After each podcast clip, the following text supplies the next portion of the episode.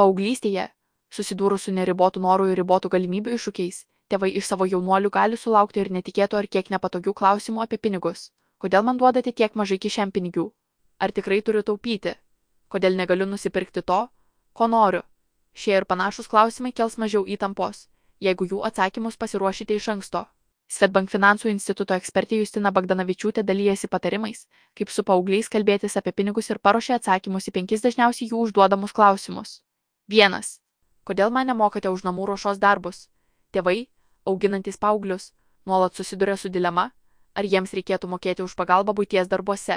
Kai kuriuose pasaulio šalyse, pavyzdžiui JOTV, ši praktika taikoma dažnai, o už namų ruošos darbus ar net pamokų atlikimą vaikams atsilyginama papildomais kišenpinigiais.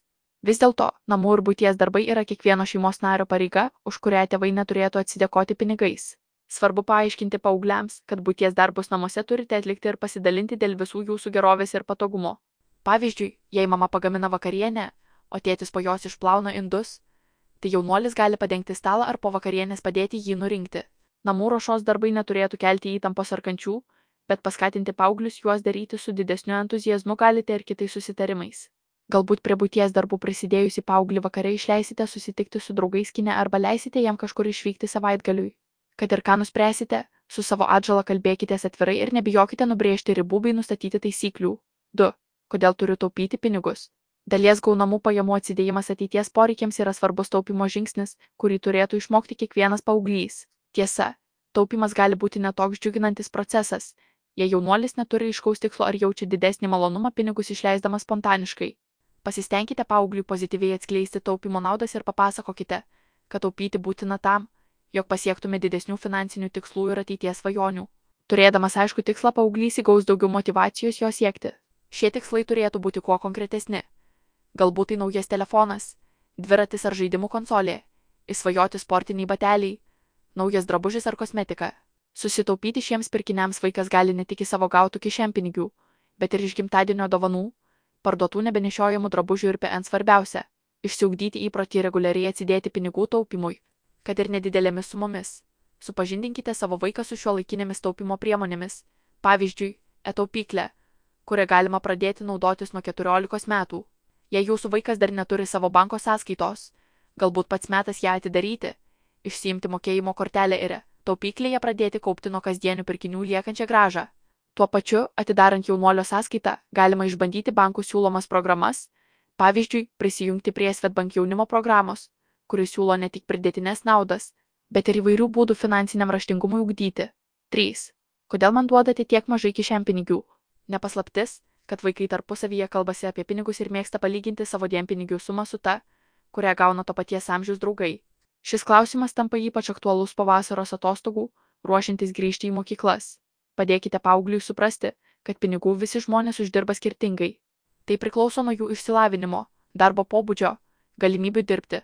Be to, kiekviena šeima gali turėti skirtingus finansinius tikslus ir prioritetus, kurie irgi lemia jos galimybę skirti kišenpinigių. Papasakokite jaunuoliui, kad pirmiausia turite atsidėti dalį biudžeto būtinosiams išlaidoms, tada nenumatytoms išlaidoms, taupimui ir bendriems jūsų šeimos norams bei svajonėms įgyvendinti. Didesniam pirkiniui atostogoms, naujam automobiliui. Atvirai pasakykite paaugliui, kad jam ar jai paskirta kišenpinigių suma yra tokia, kokią šiuo metu leidžia jūsų šeimos biudžetas. Jeigu jūsų paaugliui vaikui 16 metų ir daugiau, pasiūlykite pagalvoti apie vasaros darbą ir taip užsidirbti papildomų pinigų, kuriuos jis galėtų išleisti savo poreikiams per mokslo metus. 4. Kodėl negaliu nusipirkti to, ko noriu? Net ir atsidedant dalį turimų pinigų taupimui, įgyvendinti trokštamas svajones gali užtrukti ilgiau nei norėtųsi. Paaiškinkite paaugliui, kad jis turėtų prioritizuoti savo norų sąrašą ir suteikti pirmenybę svarbiausiams tikslams, o tik tuomet siekti kitų. Jei svajonė atrodo nepasiekiama, pasiūlykite vaikui pergalvoti savo galimybės. Finansiniai ištekliai yra riboti, todėl nusipirkti visko, ko norime iš karto, niekada nepavyks. Kartu su vaiku paieškokite būdų, kaip jis galėtų sumažinti savo išlaidas arba padidinti pajamas.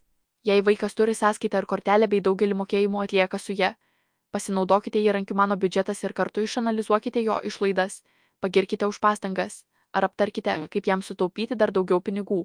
Pasiūlykite paaugliui kartais pirkti drabužius tik iš antrų rankų arba parduoti kitiems savo jau nebenešiojamus, atsisakyti mėgstamos burbulinės arbatos podelio kavinėje ar netimtis papildomų darbų. Diskutuokite su vaiku ir padėkite jam susidėlioti veiksmingą taupimo strategiją. 5. Kaip man pačiam užsidirbti pinigų? Savarankiškai uždirbti pinigai - svarbu žingsnis siekiant finansinio stabilumo ir mažinant priklausomybę nuo tėvų. Tam, kad paauglys pats susidirbtų pirmosius pinigus, nebūtina laukti jo pilnametystės. Padėkite jaunuoliui atskleisti savo stipresias pusės ir paieškokite galimybių, kur jis galėtų užsidirbti papildomai. Tokiu pajamų šaltiniu gali tapti paauglio mylimas hobis. Pomėgis piešti, lipdyti, groti, verti papuošalus ar fotografuoti. Verta pagalvoti ir apie sezoniškumą. Galbūt paauglys gali nupjauti žolę ar nuskinti obolius kaimyno sode arba pavedžioti jūsų kaimyno šunį. Su paaugliu galite pradėti kalbėtis ir apie pirmosius investavimo žingsnius bei skirti tam nedidelę pradinę sumą. Jaunuoliui tai suteiks naujų žinių ir pravers ateityje siekiant užsitikrinti pasyves pajamas.